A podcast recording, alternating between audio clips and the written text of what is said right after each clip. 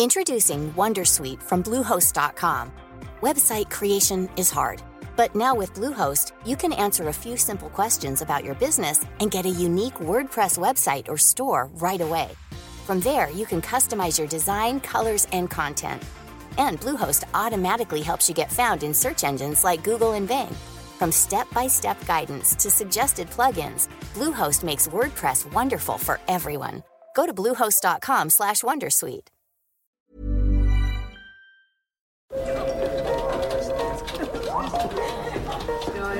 Dette er lyden av norsk næringsliv.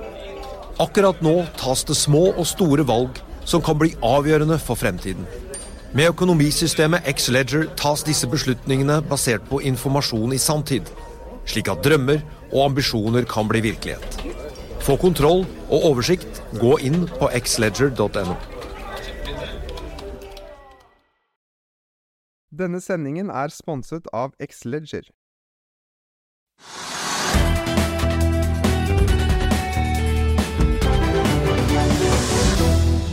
Hei og velkommen til Økonominyhetene, der vi har pratet med sjefstrateg Erik Bruse om børsens reaksjon på den seneste utviklingen i Ukraina-konflikten.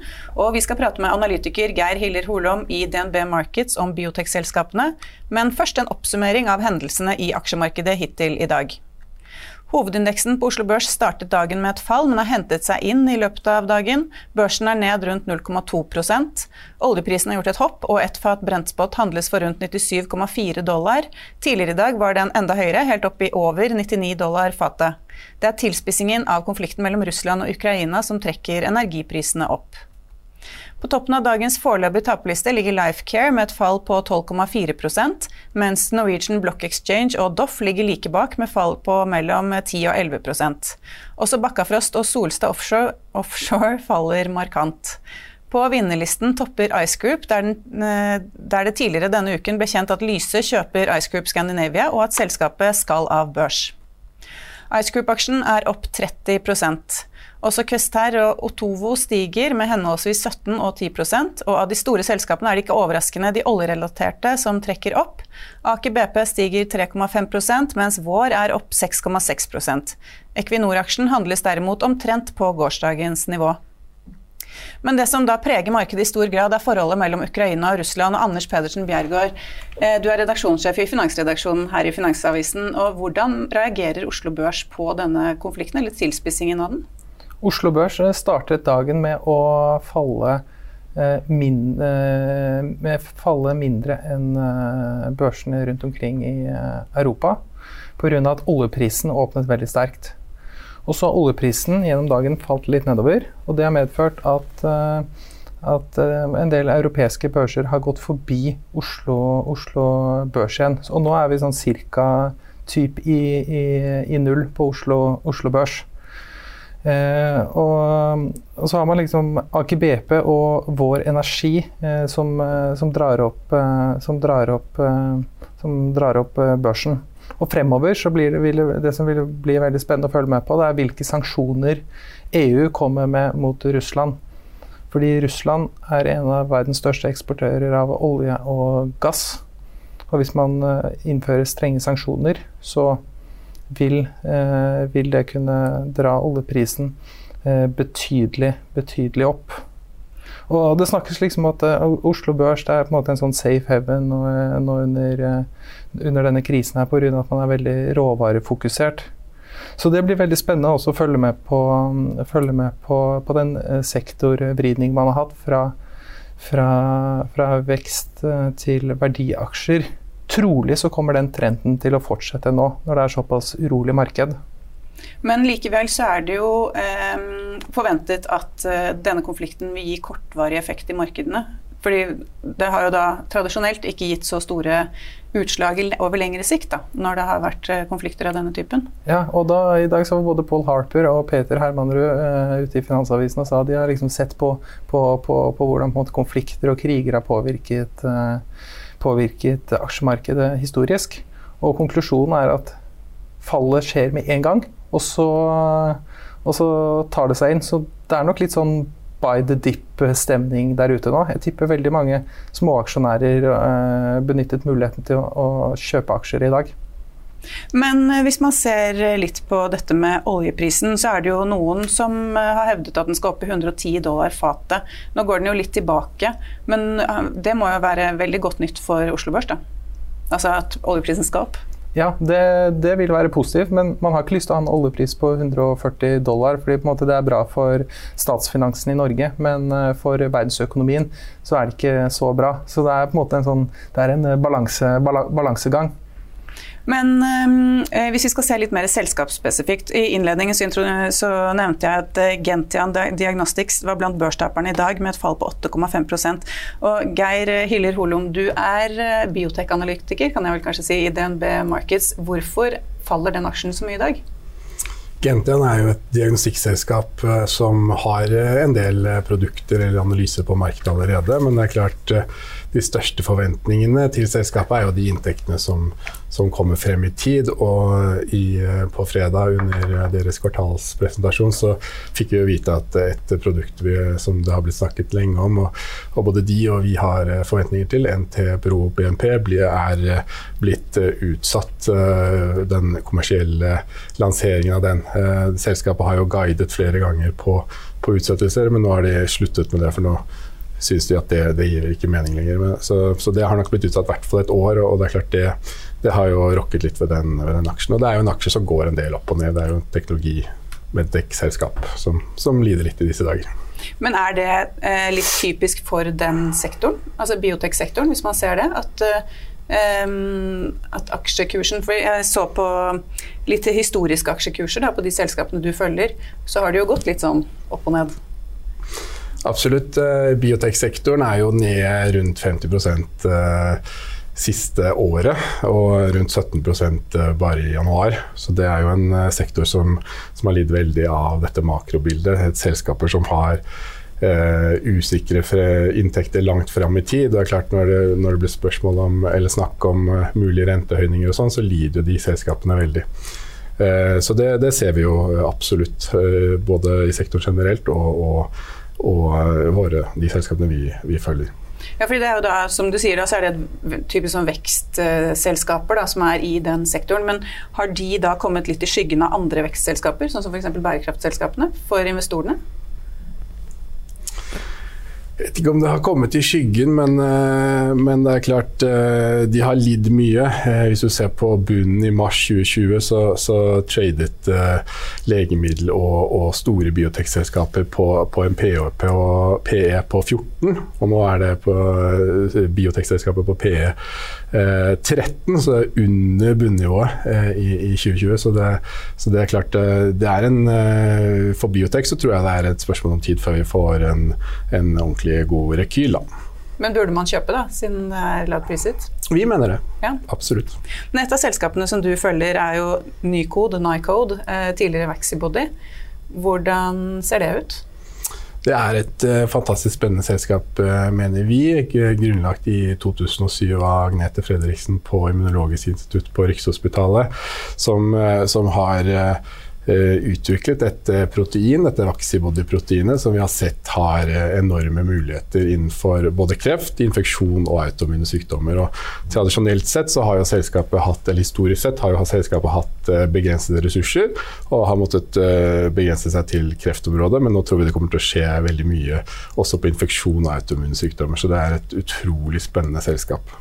Ja, Det blir jo handlet for rundt hva er det der, 43-ish eh, kroner nå. Hva er deres eh, kursmål på det? Vi har et kursmål på 102, så ja. det er klart vi ser en, en veldig stor oppside. Og, og, vi tror vi bare har sett starten. På, på kreft så har jo selskapet inngått uh, veldig veldig gode, store, validerende avtaler i, i høsten 2020 med Genentech, datterselskapet Roche, hvor de fikk da 200 millioner dollar up front. Så det er klart de har en veldig veldig god uh, balanse. Uh, mye penger på bok. Um, og, og, har også i, i fjor høst uh, inngått en veldig god avtale med Regeneron, som, som var litt mindre upfront. 30 millioner i, i, i cash og 20 millioner i, i equity investment. Men, men uh, også veldig god validerende avtale. Så, så det er klart uh, selskapet har over 200 millioner dollar på bok. de har siste året gått fra 50 til 120 ansatte. Og fra det vi hører der ute, så er tiltrekker seg de flinkeste folkene i bransjen. Eh, de har betalt utvikling med, med Genentech og, og Regeneron-avtalen, så her kommer det til å skje veldig mye. Eh, de er i en utrolig god posisjon eh, til å utnytte den, dette vaksibodyproteinet de har utviklet. Så, så her kommer det til å skje veldig mye, tror vi. da. 102 kroner per aksje. Hvordan, hvordan tar man det regner seg frem til et kursmål på en biotek-aksje uten inntjening? Er det scenarioanalysebasert? Godt spørsmål. Uh, vi, vi, bruker jo ikke sånne, så mye sånne finansielle multipler som du er inne på. Vi, vi, vi bruker jo mer eh, såkalt likelihood of approval. Hvor, hvor, sannsynlig er det at selskapet fra en gitt fase, f.eks. fase 1, tidlig fase, når markedet. Eh, og da bruker man jo eh, både historiske tall, men også eh, alt kommer ned til dataen. Hvor, hvor god data selskapet har. hvordan ser konkurransebildet ut? Hvordan ser de ulike indikasjonene ut innenfor kreft f.eks.? Hva, hva er standard ok innenfor området osv. Så, så og vi har jo I vår verdsettelse så har jo vi bare tatt med eh, de kliniske løpene de er inne i i dag. Men det er klart denne plattformen, dette Vaxibody-proteinet, har enorme muligheter. Så, så, så, så vi, vi, tror det er en veldig stor oppside i, i det caset. Man hadde et eksempel med PCI Biotech eh, som la ned sin hovedsatsing pga. at det var en konkurrent som kom med måte bedre teknologi. Eh, har, eh, er det samme risikofaktor i Vaxibody, eller er på en måte den brede teknologiplattformen gjør at den blir mindre sårbar for, eh, for uh, distribusjon? Godt spørsmål. Uh, altså, I PCIs tilfelle så, så, endret jo Standard of Care seg. Det ble vanskelig for dem å, å, å gjennomføre studiet fordi kontrollarmen sin Standard of Care hadde blitt endret. Eh, og Det gjorde at eh, en, det ble vanskelig å komme til mål, og, og også målet ble vanskeligere å oppnå. Eh, I, i Nycods fall så, så, er jo klart det er jo også en, en eh, Konkurransebildet er jo alltid der og er viktig å følge med på, men, men de har som du også var inne på, mange skudd på mål her. Så, så det er ikke like, like stor risiko sånn sett. Eh, og, og, og, to ulike teknologier også som, som ikke nødvendigvis lar seg sammenligne like rett fram. Men hva er de største risikoene for selskapet fremover? Så, altså, hvis, du, hvis, du, ser på den gode siden, altså, som vi var inne på, så de har uh, masse penger på bok, masse flinke folk, betalt utvikling, så her kommer det til å skje veldig mye. Her er det 120 stykker som, som snart, uh, nå som disse partnerne tar over utviklingen videre, som, som må uh, rett og slett settes i arbeid, og, og er godt i arbeid, men, men her kommer det til å skje utvikling av nye, nye, eller initiering av nye prosjekter. Eh, og, og, vi tror også det kan komme flere partnerskap. Eh, hvis vi skal se på den, den mer minussiden, så er det jo klart at selskapet eh, har vist veldig lovende gode data i, i preklinisk fase, altså forsøk på dyr og i laboratorier osv. Eh, lovende data også på, i klinikk, men, men, litt lite. Så vi skulle gjerne hatt mer data som gjorde oss enda mer komfortable på at dette virker. Så det er klart eh, det er en, en gjenside, med, med, eller en, en, risiko med caset, at vi har litt lite data. Selv om disse store kjempegigantene Genentech og Regeneron har validert dette caset, som, som gjør at vi, vi er tryggere, en, som, som, har utrolig god oversikt, er veldig trygge på at dette fungerer. Genentech hadde jo i deres avtale går jo på de individualiserte kreftvaksinene. Dvs. Si at uh, du tar en uh, La oss si jeg hadde hatt en, en kreftsvulst. Uh, så, så du, tar du en biopsi av den, du sekvenserer og lager en vaksine som, som skal gå, virke mot akkurat mine celler. Så det her er jo en terapeutisk vaksine. Du skal rett og slett booste mitt immunforsvar til å ta knekken på kreften. og Genentech hadde jo Eh, fra 2016 en avtale med Biontech innenfor akkurat individualiserte vaksiner. Så det her var jo ikke et område som Genentech så på at det her eh, gjør alle de andre farmaselskapene, det må vi også gjøre. De var allerede i området, eh, men syntes at Nycos var enda bedre. Og det er klart, De hadde en avtale med Biontech, så vi ser hvor, hvor bra det er. Så, så, det er klart, her er det, er det en god validering og stor oppside. Eh, og så er jo partnerskapene igjen en, en, en, et minus også, for da får vi litt mindre nyhetsflyt da, fra, fra hvordan, hvordan, det går. Vi, vi, vil jo gjerne ha, ha data, nyheter osv., men nå er det disse partnerne som styrer eh, nyhetsflowen. Og det er klart, det er et minus. Hva er liksom endgame eh, for, eh, for Vaxibody? Er det at de blir kjøpt opp? Er det det som er målet? Eller skal de liksom rulle ut og kommersialisere eh, vaksine og bygge opp en, eh, en, salgsstyrke her i Norge og, og rundt omkring i verden? Det er et godt spørsmål. Altså, mindre biotek i, i, Norge har jo tradisjonelt uh, jobbet sånn at de uh, selvfølgelig er fint å bli kjøpt opp, eller at de vil utlisensiere, for de har ikke det krever en enorm salgsorganisasjon å, å gå ut til markedet med, med, hvis man kommer til markedsføringsstadiet. Spesielt i USA og osv., som, som er det største farmasimarkedet. Eh, så, så, tradisjonelt så blir man jo utlisensiert. Når det kommer til Nycos tilfelle, så, så, tror jeg at det er stor interesse der ute for å kjøpe Nycod. Eh, se på Pfizer f.eks. Eh, de kommer til å ha 100 milliarder dollar i inntekter i 2020. Uh, og, og, i likhet med mange andre farmaselskaper uh, har de ingen gjeld. Uh, de kommer til å Nå som korona forhåpentligvis går, går, mot slutten, så er de avhengig av vekst. Og, og det er klart de ønsker, kommer til å kjøpe masse biotekselskaper. Så, så, så, oppkjøp er absolutt en mulighet. Eller så tror jeg at de, de som eier Nycod nå, de, de, de, ser at her er det enormt potensial. å, kunne tenke seg å, drive dette videre og utlisensiere og, og, og, initiere flere programmer. Så Det er nok det mest sannsynlige på, på kort og mellomlang sikt. Og, eh, og Nasdaq-notering, hvor mye har det å si for eh, caset? Ja, altså Selskapet har jo lenge eh, sagt at de vurderer en listing på, på Nasdaq, en sånn dual listing. Eh, og, og, det tror vi eh, er stor interesse for. Det er det, det, inntrykket vi har når vi snakker med internasjonale investorer, at det er stor interesse for, for caset. Eh, og jeg tror at eh, de er mer enn godt validert, som, som vi snakka om tidligere, fra partnere.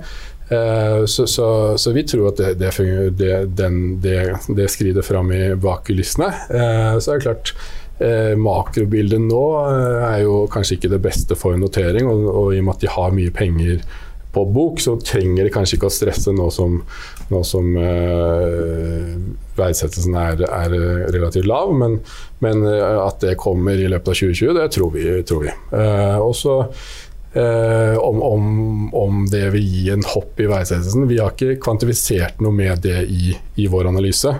Uh, og, og, det er klart det er litt sånn sprikende data der ute på om en dual listing på Nasdaq gir, en, gir et kurshopp også. Uh, men, uh, men, at det er positivt, det tror vi. Men det, det snakker da om mer enn dobling av den aksjekursen. Er det det selskapet som du har mest tro på av de Absolutt. aksjene du følger? Absolutt. Det er det. ja. det. Jeg tror det kommer til å bli et utrolig spennende 2022. Eh, jeg tror det kommer til å skje mye. Og jeg tror eh, det som kanskje er de største triggerne, er de vi ikke har, vet ennå at kommer. Eh, vi tror det kommer til å komme som sagt, initiering av flere ulike programmer. Og jeg blir heller ikke overrasket om det kommer partnerskap. Men et oppkjøp ligger kanskje ikke i kortene med en gang, da? Nei, jeg tror ikke det. Jeg tror ikke det. At det er interesse der ute, det, det tror jeg. Det er klart hva er det verdt nå? 12 milliarder? Det er jo ingenting for, eh, for Pfizer og Regeneron og disse gigantene. Så. Hva er mye for dem, da? 100 milliarder? Eh, det er et godt spørsmål. Men, eh, men jeg, jeg, tror at Nycod er et veldig godt kjøp nå. Ja, da får vi satse på at du får rett. Dette er lyden av norsk næringsliv. Akkurat nå tas det små og store valg som kan bli avgjørende for fremtiden. Med økonomisystemet X-Leger tas disse beslutningene basert på informasjon i samtid, slik at drømmer og ambisjoner kan bli virkelighet. Få kontroll og oversikt, gå inn på xledger.no. Denne episoden er sponset av van Brun, en fremtredende smykkeforhandler kjent for sitt brede utvalg av forlovelsesringer, gifteringer og diamantsmykker som bæres og elskes i generasjoner. Et frieri er en av de største øyeblikkene i livet, hvor forlovelsesringen er et tidløst symbol på kjærligheten. Valg av ring krever omtanke for både hvilket metall og diamant, med et bredt spekter av både naturlige og labdyrkede diamanter, og metaller som platina, gult gull, hvitt gull og roségull, hjelper de deg med å sette et personlig preg på din kjærlighetshistorie. Van Brun vil gjerne invitere deg til å prøve på tre av dine favorittringer fra nettsiden helt kostnadsfritt. Du kan også låne et bredt spekter av frieriringer, slik at du og din forlovede kan velge en ring sammen etter det store ja. Van Brun tilbyr 90 dagers åpent kjøp og 90 dagers gratis størrelsesjustering. Utforsk deres eksklusive sortiment i luksuriøse omgivelser. Bok en konsultasjon sammen med en diamantekspert i deres showroom i Oslo. Eller online på vanbrun.com. V-a-n-b-r-u-u-n.com. Og da skal vi tilbake til temaet som preger nyhetsbildet i dag, og som nok kommer til å være dominerende også fremover, nemlig konflikten mellom Russland og Ukraina. For selv om situasjonen har tilspisset seg, der russiske tropper har gått inn i østlige deler av Ukraina, tror ikke sjefstrateg Erik Bruse i Nordea at børsene vil preges av konflikten i lang tid fremover. Sjefstrateg Erik Bruse i Nordea, hva tror du om markedene fremover, nå som situasjonen mellom Ukraina og Russland har tilspisset seg? Så lenge markedene ikke får noen avklaring, enten at det blir krig, eh, eller at man kommer til en eller annen løsning, så, så tror jeg det kommer til å være ja, usikre markeder hvor eh, nyhetsstrømmen bestemmer om det skal opp eller ned. og Akkurat i dag er det jo nyhetsstrømmen negativ, og da er markedene ned. Men likevel så snudde jo Oslo Børs opp etter, liten, eh, etter at det hadde gått ned en periode. Hvorfor det? Jeg tror Oslo Børs eh, eh får hjelp av at oljeprisen er høy, men så er det også sånn at eh, det ser ut som reaksjonene i markedene eh, i Europa også ble mindre enn man eh, hadde trodd. Så ja. Nyhetsstrømmen kanskje ikke så alvorlig som man fryktet. De, de siste, siste beskjedene man får fra Putin og, og fra Vestens side.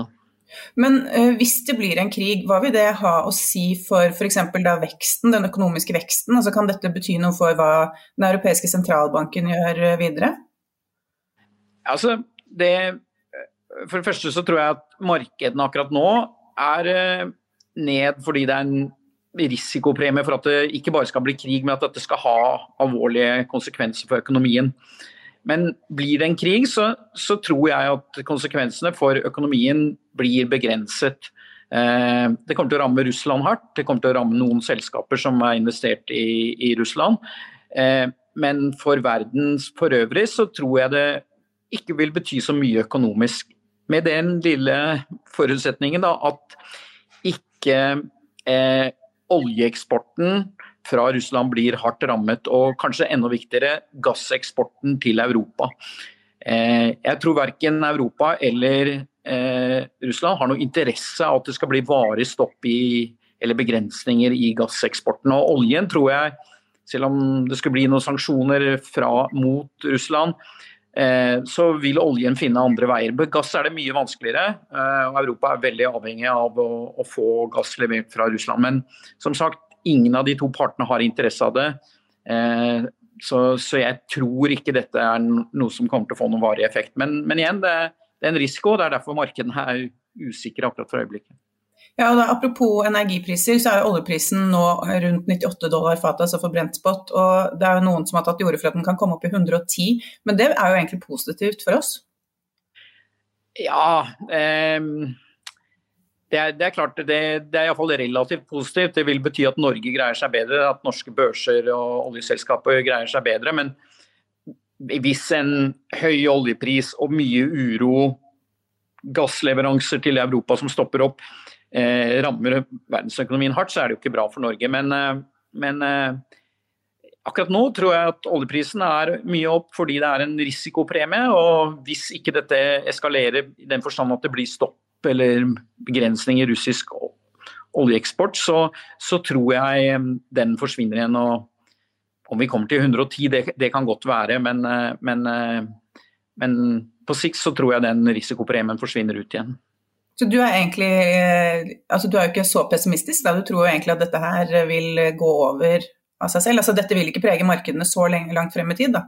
Nei, altså Hvis vi så på forrige gang eh, Russland invaderte. Det må tilbake i 2014 var det vel, så var det ganske mye uro i forkant. Men når, selv når liksom krigen var der, så, så, så, falt markedene mer til ro og de kom tilbake igjen. og det, det er Bortsett fra akkurat denne forutsetningen om, om energi som kan bli en brikke i spillet, så, så, tror jeg ikke store sanksjoner mot Russland og, og krig i Ukraina vil, vil, ha store varige effekter på markedene, det tror jeg ikke, eller økonomien.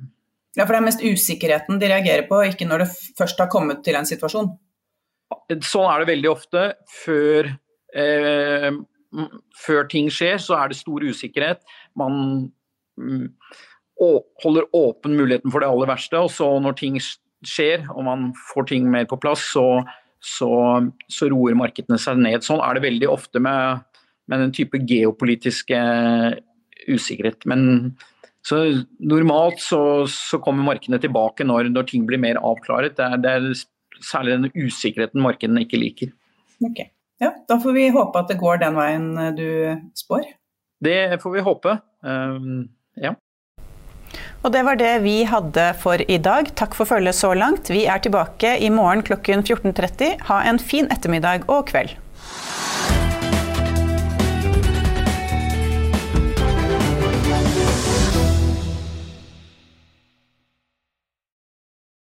Denne sendingen er sponset av Xleger. Økonominyhetene er en podkast og videoproduksjon fra Finansavisen.